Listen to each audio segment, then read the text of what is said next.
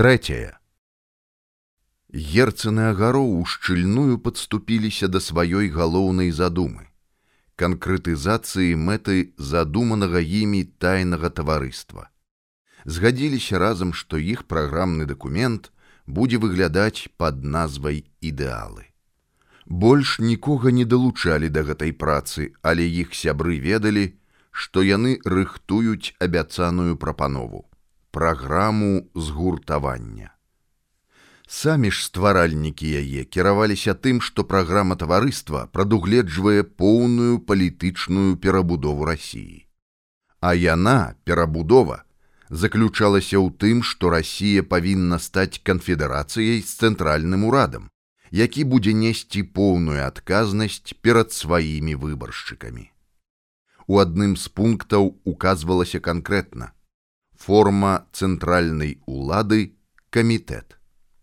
У сувязі з гэтым адмяняецца прыгоннае права.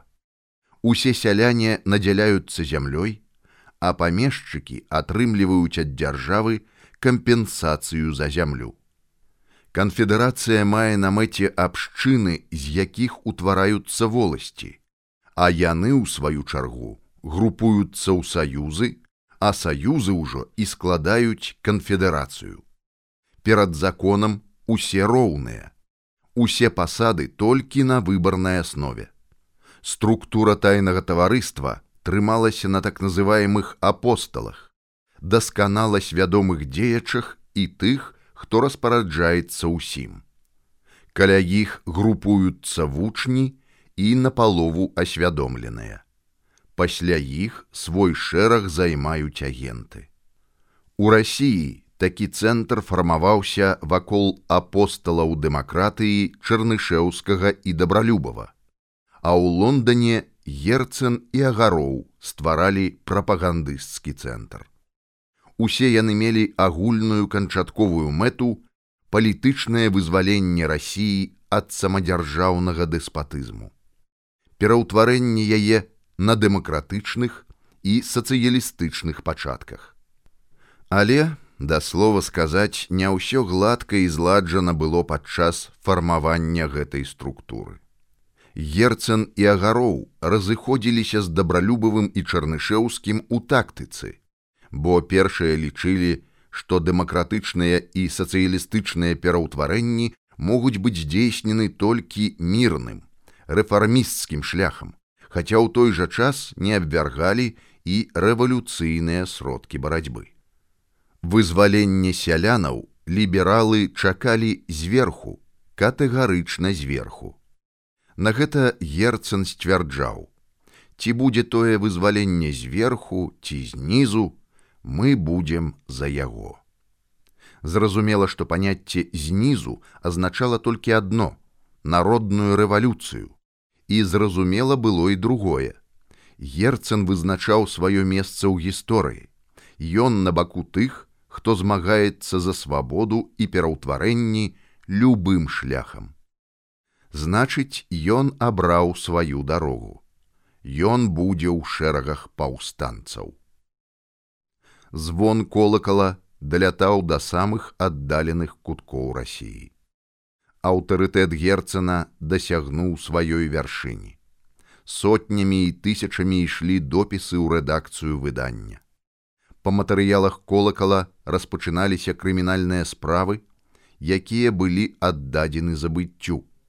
Колакалам пагражалі ўладам. Водгукаў на падзеі ў рассіі баяліся міністры і чыноўнікі ўсіх класаў. Герцанаўскае выданне чытала імператрыца Марыя Александраўна. Нават сам імператар загадаў дастаўляць яму экземпляр кожнага нумару і чытаў колакал спакойна і безуважна да тае пары, калі не прачытаў аднойчы, што герцэн заклікаў народ к тапару. Нечакана нарадзіўся царскі рэскрыпт генерал-губернатару віленскай губерніі на зімаву ад 20 лістапада 1857 года. У ім указвалася на неабходнасць тэрмінова прыступіць да падрыхтоўкі сялянскай рэформы. Герцэн амаль пляскаў у далоні. але яго радасці і замілавання не падзяляў агароў. Ён проста не давяраў. Ствараліся губернскія камітэты, стварыўся нават галоўны камітэт. А калі былі ўтвораны яшчэ і рэдакцыйныя камісіі, то гэты факт яшчэ больш умацаваў у герцана наіўную веру прагрэсіўнага цара, яго шчырае жаданне даць рускаму селяніну сапраўдную волю. І тады, звяртаючыся да Александра II, кінуў радасную рэпліку: « Ты перамог, галіліянин. А ўжо ў наступным годзе летам у звоне з расчараваннем напіша: Александр II не апраўдаў надзей і спадзяванняў. Герцан друкуе пісьмы з правінцыі. Невядомы аўтар піша ў сваім лісце, патрабуе, каб звон клікаў не дамалебна, а біў у набат. Да сякеры клічце Русь. У сакавіку 1861 года ва ўсіх цэрквах рассіі святары чыталі замвонаў царскі маніфест аб вызваленні сялянаў ад прыгону. Працягвалася, здавалася б, рэалізацыя першапачатковай праграмы герцанаўскага выдання. Вызваляюцца ад прыгнёту з зямлёй сяляне, прагучала абяцанне правесці шырокія рэформы судоў, друку, свабоды слова, адменены ўказ на забарону дэманстрацый і мітынгаў. З гэтай нагоды Герцэн прапанаваў арганізаваць урачысты абед, каб падняць разам з сябрамі тост у гонар Александра II. Калі накрылі стол, калі разлілі шампанское, расчыніліся дзверы. На парозе стаяў разгублены выдавец. Сябры, з варшавы толькі што прыйшла вестка. У горадзе праходзіла мірная дэманстрацыя, у людзей стралялі царскія салдаты, шмат забітых і параненых. Герцан памяняўся ў твары, нахмурыўся, з нейкай унутранай злосцю прамовіў: « Ганьба табе, Александр другі. Ганьба. Вільня Людвіку Кандратовічу падалася і не сваёй, але же не чужой. Ведучы гаспадарку ў залучы, Людвік прывык да вясковага жыцця, да прыроды, да ранкаў, калі ўзыходзіла сонца, любіў узяць у руки накляпаную касу і прайсціся з ёю па роснай і сакавітай траве. Пошчак салаўёў у густым кустоўі, цнатлівая цішыня да звону ў вушах. Усё радавала яго. Нахадзіўшыся па балацявінах ці восеньскай парой па грыбных мясцінах нагрузіўшы з коптурам вялізны кош баравікоў з цёмна-карычневымі галоўкамі з вялікай радасцю вяртаўся шчаслівым дадому. А ў галаве не не ды пачне рытмічна бы стук дзюбы дятла аб сухадрэвіну нараджацца радок. Святая ўсюды пустата, ды нават не думай аб хлебе. Перад самым фальваркам сустрэў прыгоннага селяніна Юльяна Забродскага. Той, зняўшы магерку, павітаўся, спытаў: « Як здароўе вяльможнага пана Людвіка Кандратовича, які я табе пан братка юльян? Які не пан але пан? Кандратович зняў кашель паставіў каля ног. Важкаваты быў траха і адпачыць не зашкодзіць. Хорошие грыбы пахваліў селянін. Адзін у адзін умееце збіраць. Ды што іх збіраць юльян? У лесе сёлета хоць касой касі Падзякаваць хачу, пан Ладыслаў, за тое, што сям'я моя з голаду не памерла. Той гарнет жыта, што вы далі, акураты выратаваў нас ад смерці.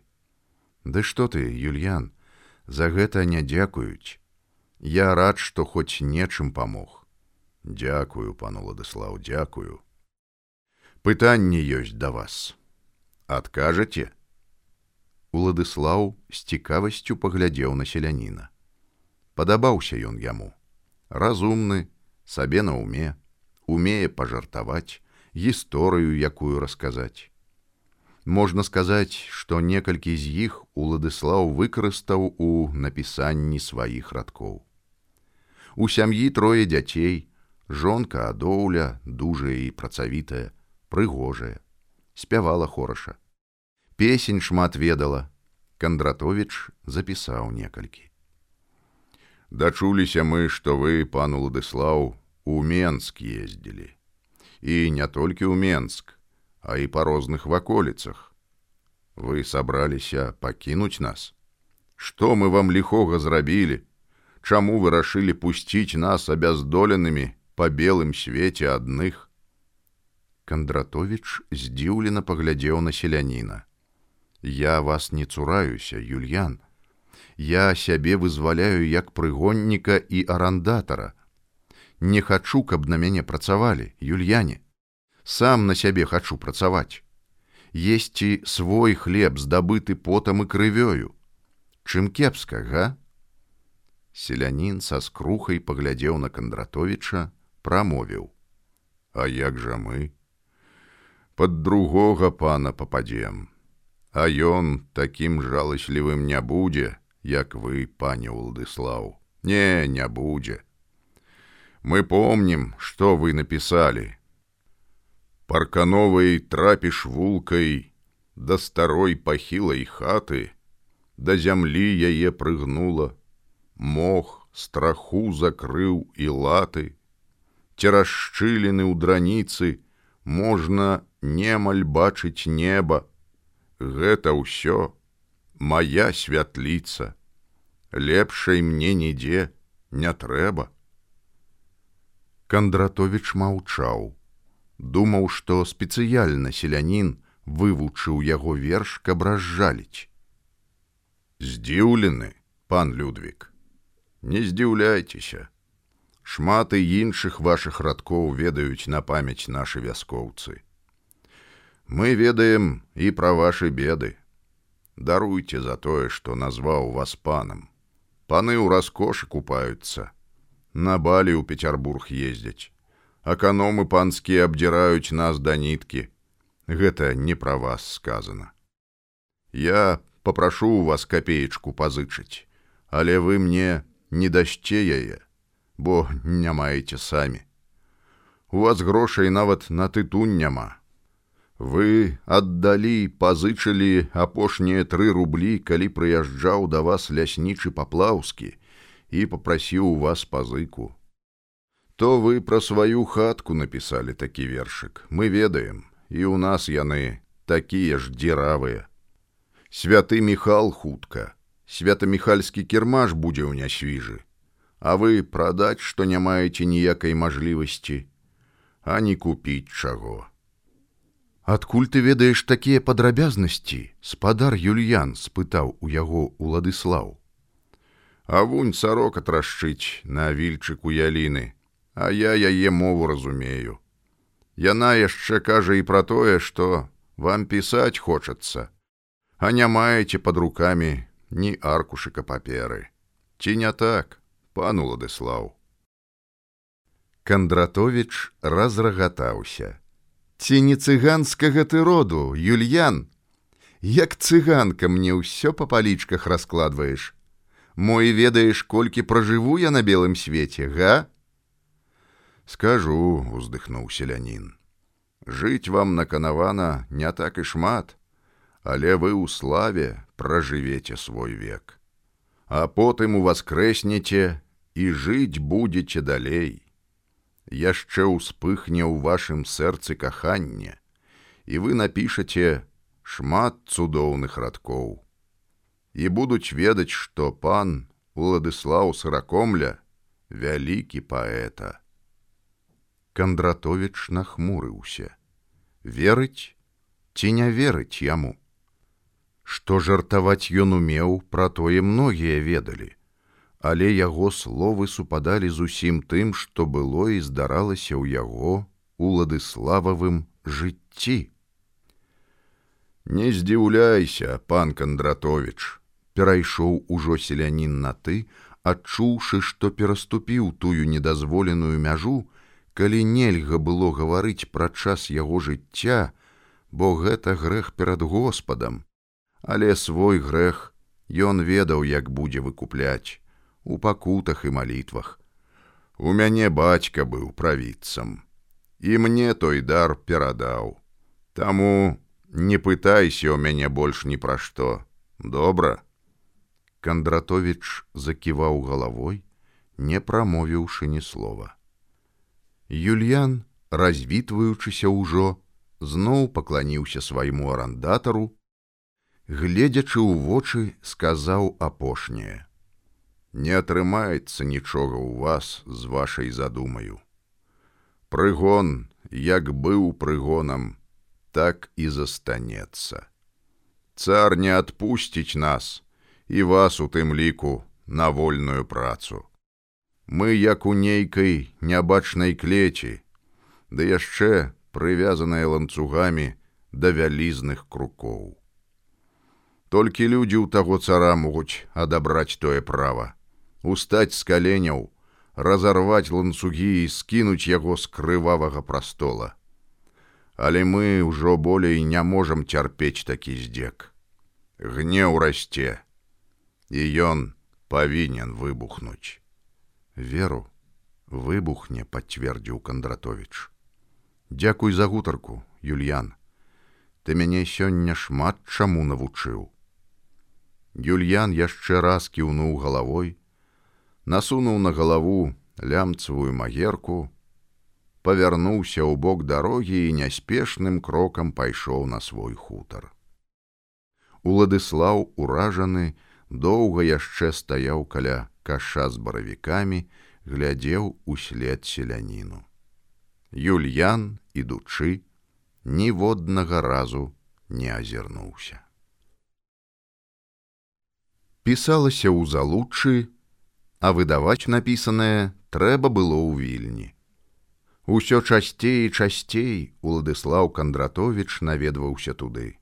Ішла падрыхтоўка да друку яго перакладаў лацінскіх твораў.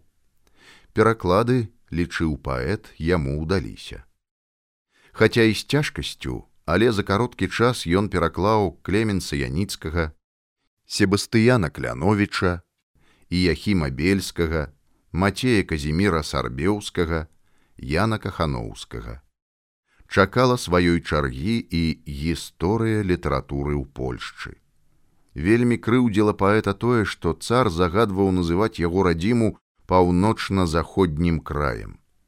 Ва ўсіх кнігах выкраслілі слова беларус і Беларусь але яго радавала і ўсцешвала, калі ён пазнаёміўся з мастаком вінцэнтам дмахоўскім, якога яшчэ называлі клодам ларэнам віленскіх ваколіц.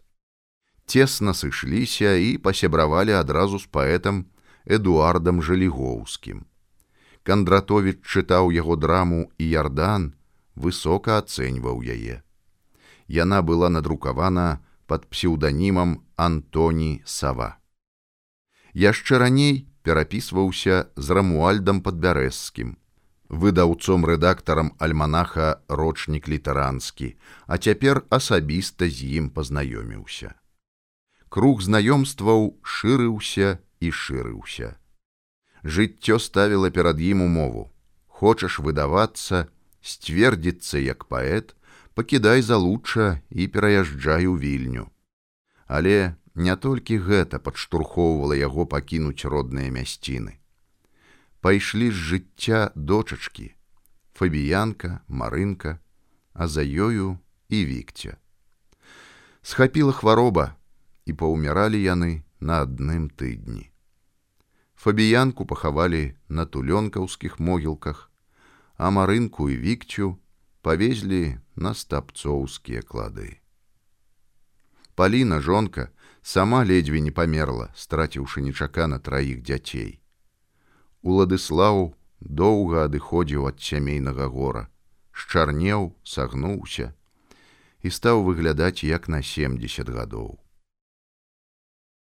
Хоць і знаходзілася залуча ўдалечы ад буйных гарадоў, дзе бурліла і кіпела жыццё, але і да яго мясцінаў адгалоскамі дакатваліся людскія страсці.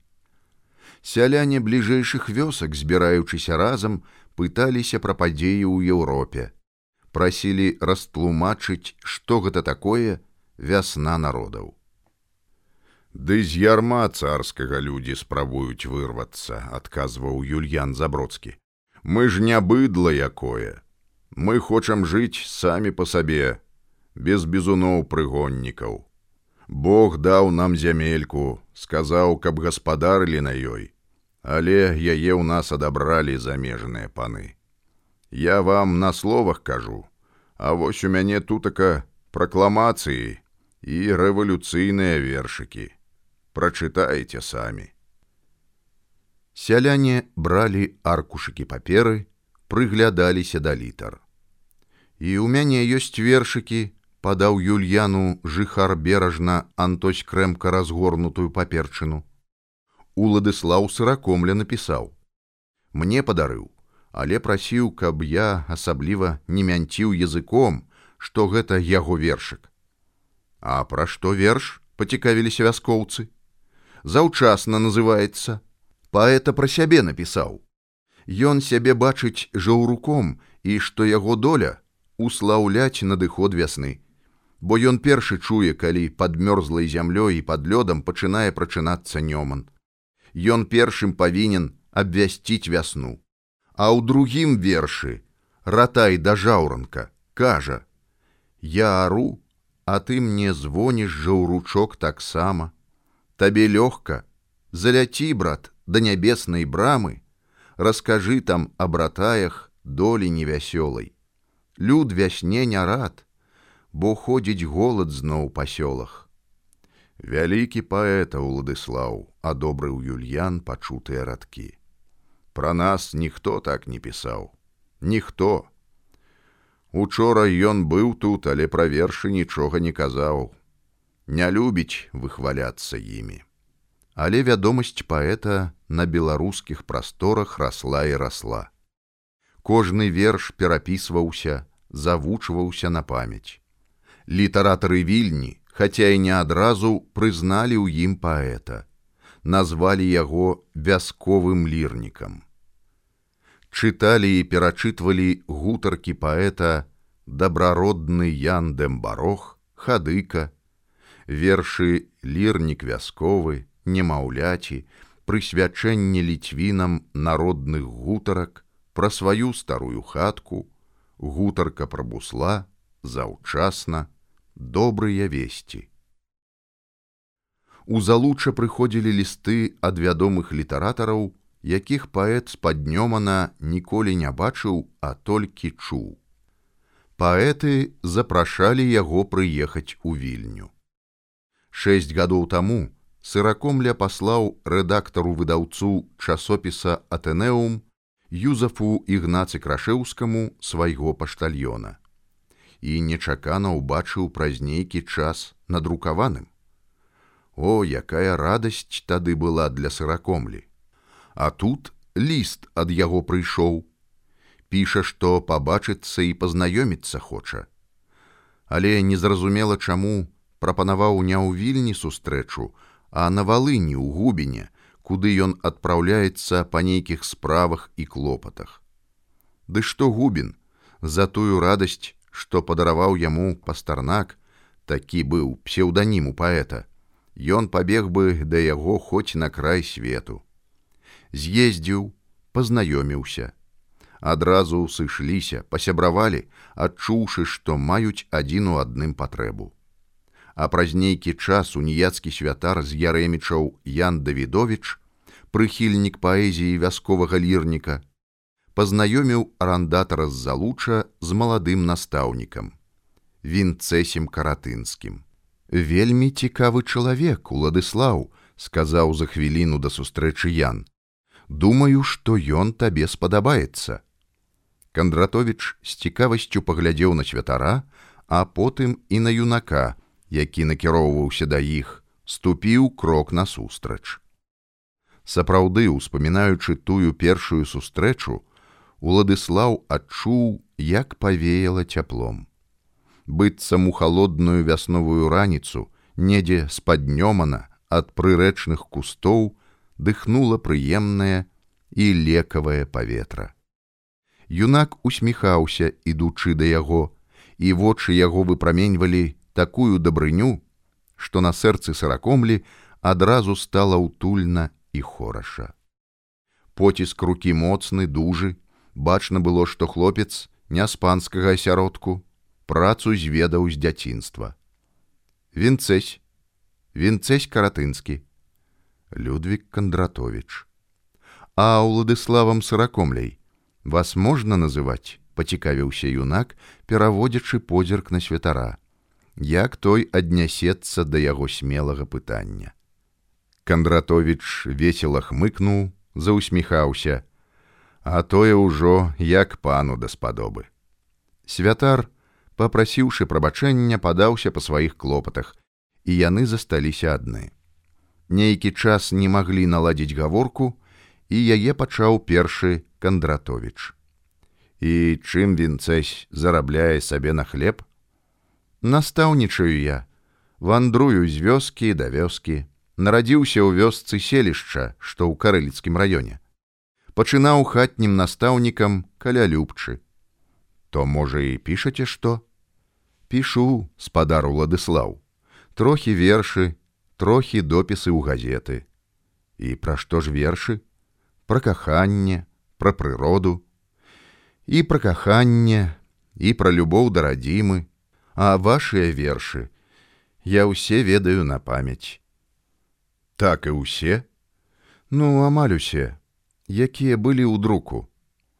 Праца настаўніка падабаецца. Так, знаходзячыся сярод людзей, сярод вясковага люду, пазнаю жыццё. Пішу цяпер той мовай, на якой гавораць людзі. Вінцэсь спыніўся нечакана каля шырокай кладкі праз раўчук Уладыслаў сыракомля. А ці не хацеў бы ты памяняць сваю прафесію? Пытанне прагучэла для девятнаццацігадовага юнака нечакана, таму ён са здзіўленнем паглядаў на паэта. Памяняць настаўніцтва, Нашто? Я ж больш нічога не ўмею рабіць. Можаш, я гэта ведаю. Юнак маўчаў, ведаючы, што ва ўладыслава нешта на ўме сваё. Вінцэсь, дарагі мой хлапчына, А ці не згадзіўся б ты пераехаць да мяне ў залуча. Спытаеш чаго? А я адкажу табе да мяне. І не проста да мяне, а быць маім сакратаром памочнікам. Юнак з недаверам паглядзеў на кандратовича. Прапанова была заманлівай. Толькі ці сур'ёзнай яна была. Можа ён уладыслаў так жартуе, яму, вясковаму вандроўніку настаўніку ды ісці сакратаром да такога слыннага паэта? Працы будзе шмат адразу папярэджваю. Неабходна будзе перапісваць начыста мае творы пераклады з паэтаў лаціністаў старадаўніх хронік ды перапіску весці з маімі корэспандэнтамі а іх у мяне з кожным разам з'яўляецца ўсё больш і больш. Дык як вінцэсь. У хлопца як адняло мову. Адно глядзеў на вясковага лірніка блазнавата і усміхаўся. Ён пра такое баяўся і марыць. А Леонард Ходька, той шляхціц Ходька, які выдавец публіцыст гісторык, шмат сабраў і выдаў матэрыялаў па гісторыі і літаратуры польскай і беларускай вучыўся ў школах у барунах і маладэчне, а потым скончыў віленскі універсітэт, належаў да філарэтаў. А ў 19 гадоў, во акурат як і табе цяпер, пачаў працаваць сакратаром у міхала кляфаса агінскага. Знаёмячыся з народнымі гутаркамі сыракомлі, якія былі напісаны па матывах мясцовых паданняў і звычаяў яго лірыкай, знітаванай з мілагучнымі песнямі вясковага люду, перакладамі, а яшчэ ведаючы яго цікавасць да геаграфічных і краязнаўчых мясцінаў наднёмання, Вінцэсь каратынскі яшчэ задоўга да гэтага знаёмства адчуў светлую павагу да паэта, да яго творчасці. Ён рашуча выказаў жаданне паспрабаваць сябе ў якасці ратая на творчым полі такой магутнай асобы, як саракомля. Я я згодзен, спадар уладыслаў. Уладыслаў злёгку ляпнуў хлопца па плячы. Ну і выдатна, Цяпер мы з табою два боты адна пара. Ці не так? А чаго ж ты не цікавішся, колькі я буду плаціць табе? Ці табе грошы зусім не трэба? То я вам павінен плаціць, што мяне ў свае вучні і сакратары ўзялі. Сыракомля засмяяўся, абняў хлопца, прытуліў да сябе. Імператар усерасійскі Александр II думаў, што з увядзеннем новага указа адчуе задавальненне ад правільнасці зробленага кроку, але да яго прыйшло расчараванне. Ён так і выказаўся перад сваімі міністрамі, калі яны сабраліся ў вялікай зале. Я перажываю хвіліну расчаравання і ўсё таму, што ўзмацніліся сялянскія хваляванні і местачковыя паўстанні пасля імператарскай рэформы. Герцн з гэтай нагоды пісаў, што рэформа абярнулася бессовеснейшым грабежом крестьян, а вызваленне стала рядам насілій і сплашным надругательствам над німі. З нагоды вызвалення ад сялянскай зямлі адрэзалі ў чарназёмных губернях звыш пятай часткі. А ў некаторых губернях адрэзалі, аднялі ў сялянаў да траціны і нават да дзвюх пятых частак сялянскай зямлі.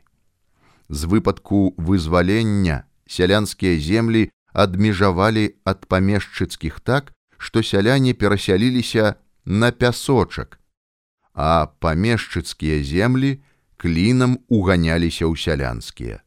Усё гэта рабілася для таго, каб лягчэй было высакародным дваранам кабаліць сялянаў і здаваць ім зямлю за ліхвярскія кошты. З выпадку вызвалення сялянаў прымусілі выкупляць іх жа прыватныя землі, прычым здзёрлі ўдвая і ўтрая вышэй за сапраўдны кошт зямлі. А тым часам сялянская вялікая і гуманная рэформа праводзілася з дапамогай куляў, штыкоў, розгаў і арыштамі незадаволеных. А незадаволеныя былі ўсе сяляне. Трэцяе аддзяленне дасылала цару свае сакрэтныя справаздачы. У 1861 годзе ў рассіі падчас хвалявання ў сялянаў былі захоплены 1370 маёнткаў з інвентаром і жыўнасцю амаль у палову з іх былі ўведзеныя войскі. У выніку 140 забітых і 170 параненых. Асабліва масавымі былі сялянскія хваляванні ў казанскай і пензенскай губернях, у сёлах бездна, кандзеяўка, чарнагай. У тым жа чарнагаі да чатырох тысячаў сялянаў з чырвонымі сцягамі і з гучнымі выкрыкамі воля, воля, рушылі з вёскі.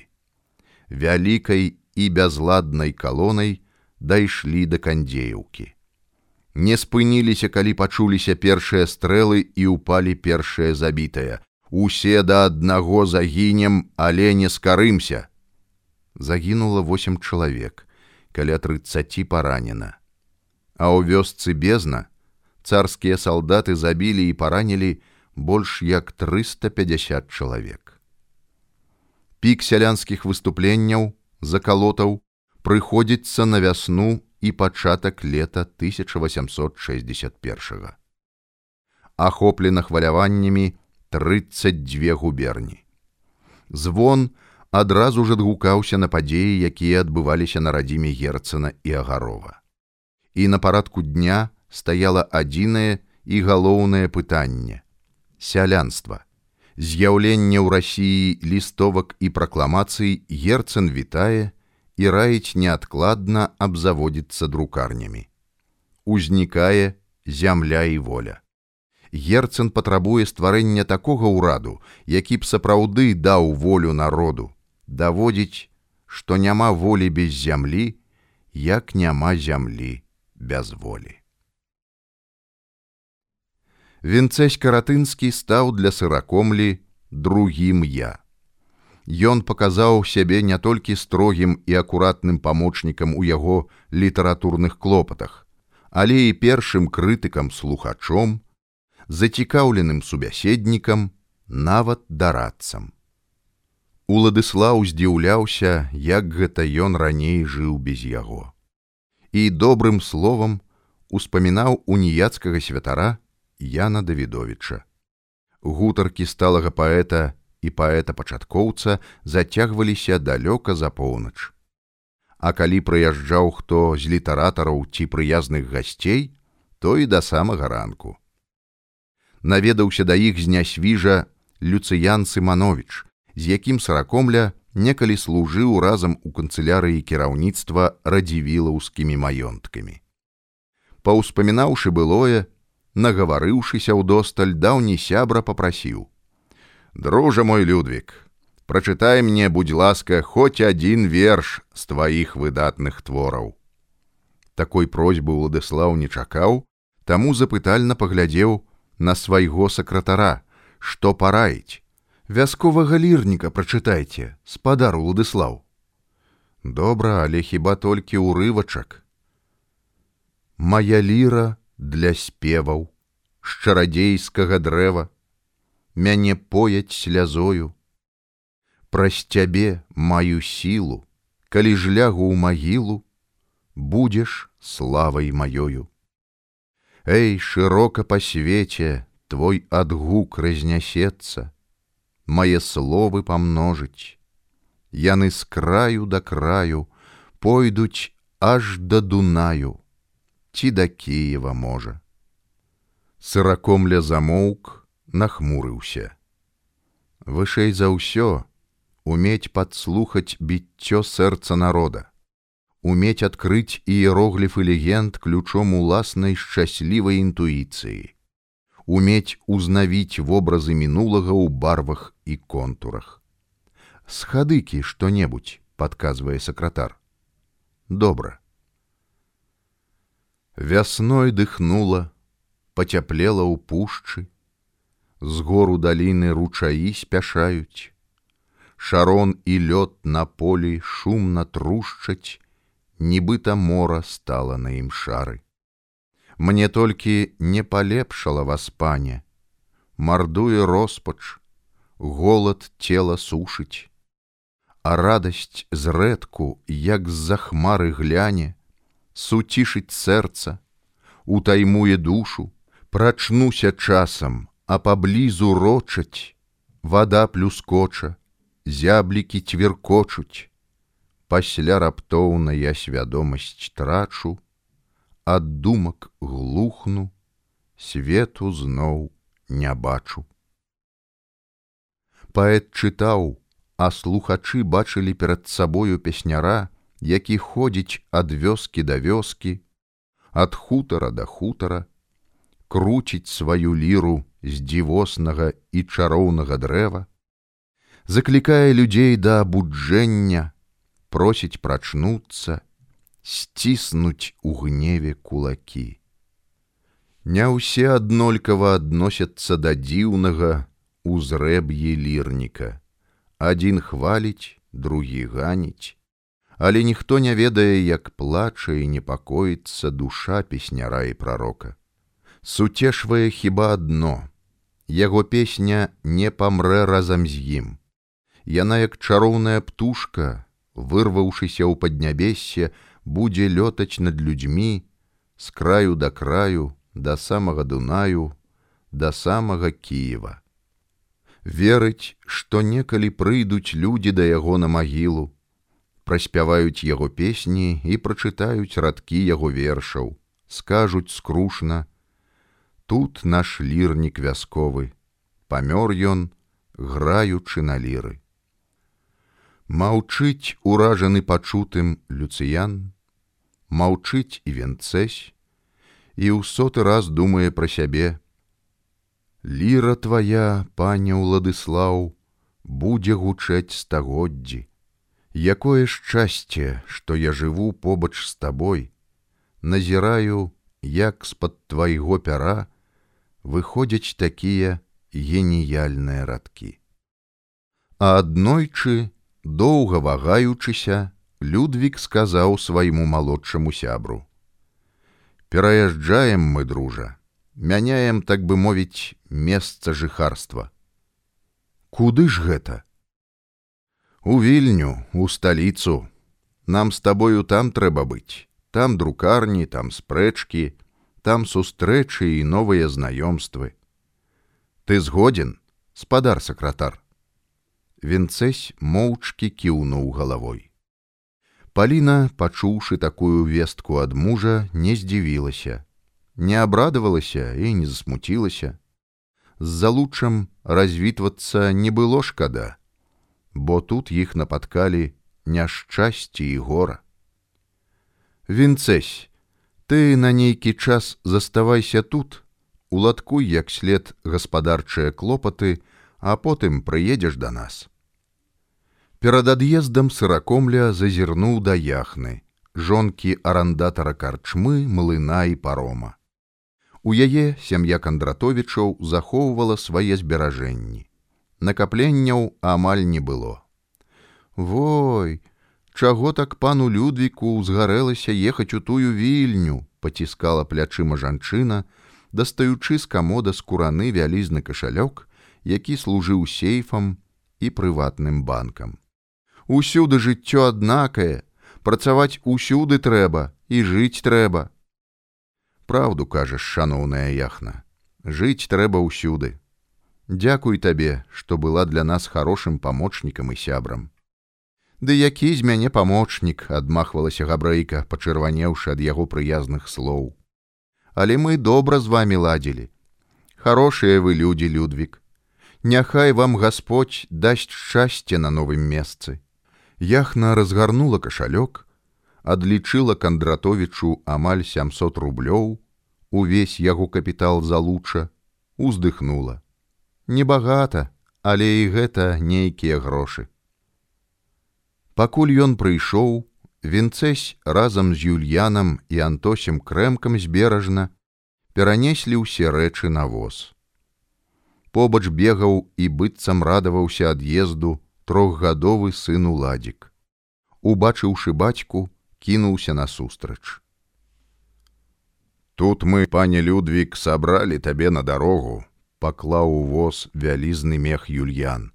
Ад душы ўсё з падзякаю і грошыкаў трохі раздабылі. На рынку прадалі што кольвічы заможныя сяляне. Сыракомля абняў селяніна правіцу.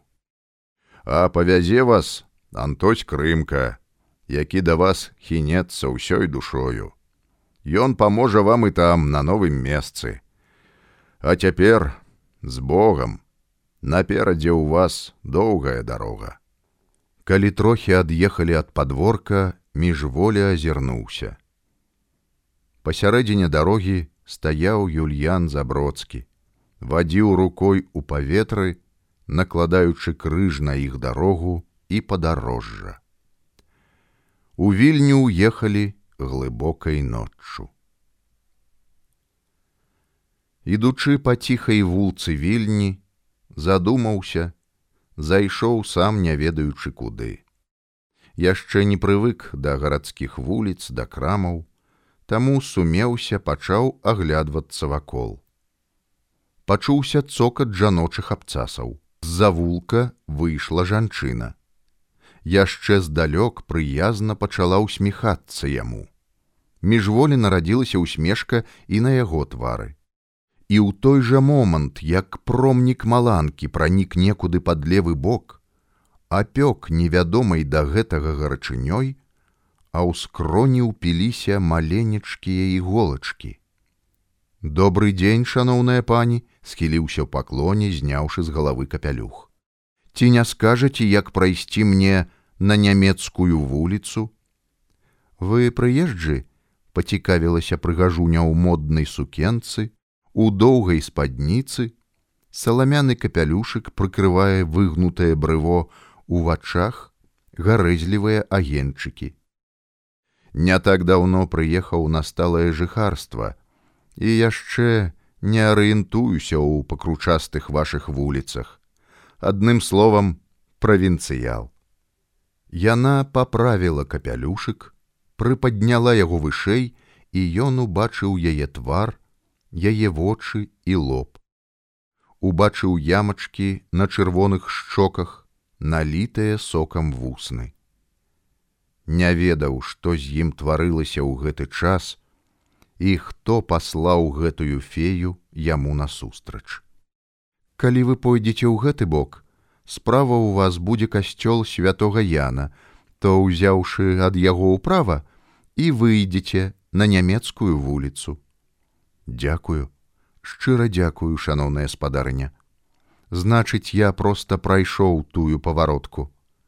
Прайшлі, прайшлі, усміхалася, абвалокваючы яго мройным туманам незнаёмка, схіліла галаву, развітваючыся, пайшла далей па бруку, адбіваючы па ім абцасамі незямную мелодыю, і яна гучала як пачатак нейкага дзівоснага новага верша, які міжволі пачаў нараджацца ў яго галаве. Адышоўшы колькі крокаў, не вытрымаў, павярнуўся, падумаў пра сябе, калі яна азірнецца, то я абавязкова яе сустрэну. Не можа быць, каб мы больш не ўбачыліся але жанчына ішла сваім маршрутам. Сыракомля не адрываў ад яе позірку, чакаў. Яна дайшла да перакрыжоўкі, спынілася. Перад тым, як перайсці дарогу ці павярнуць у завулак, нечага доўга вагалася, стоячы на месцы, а потым, о дзіва, павярнулася да яго. Ён ускінуў руку, потым прыклаў да сэрца. Яму наканавана яшчэ сустрэцца з ёю.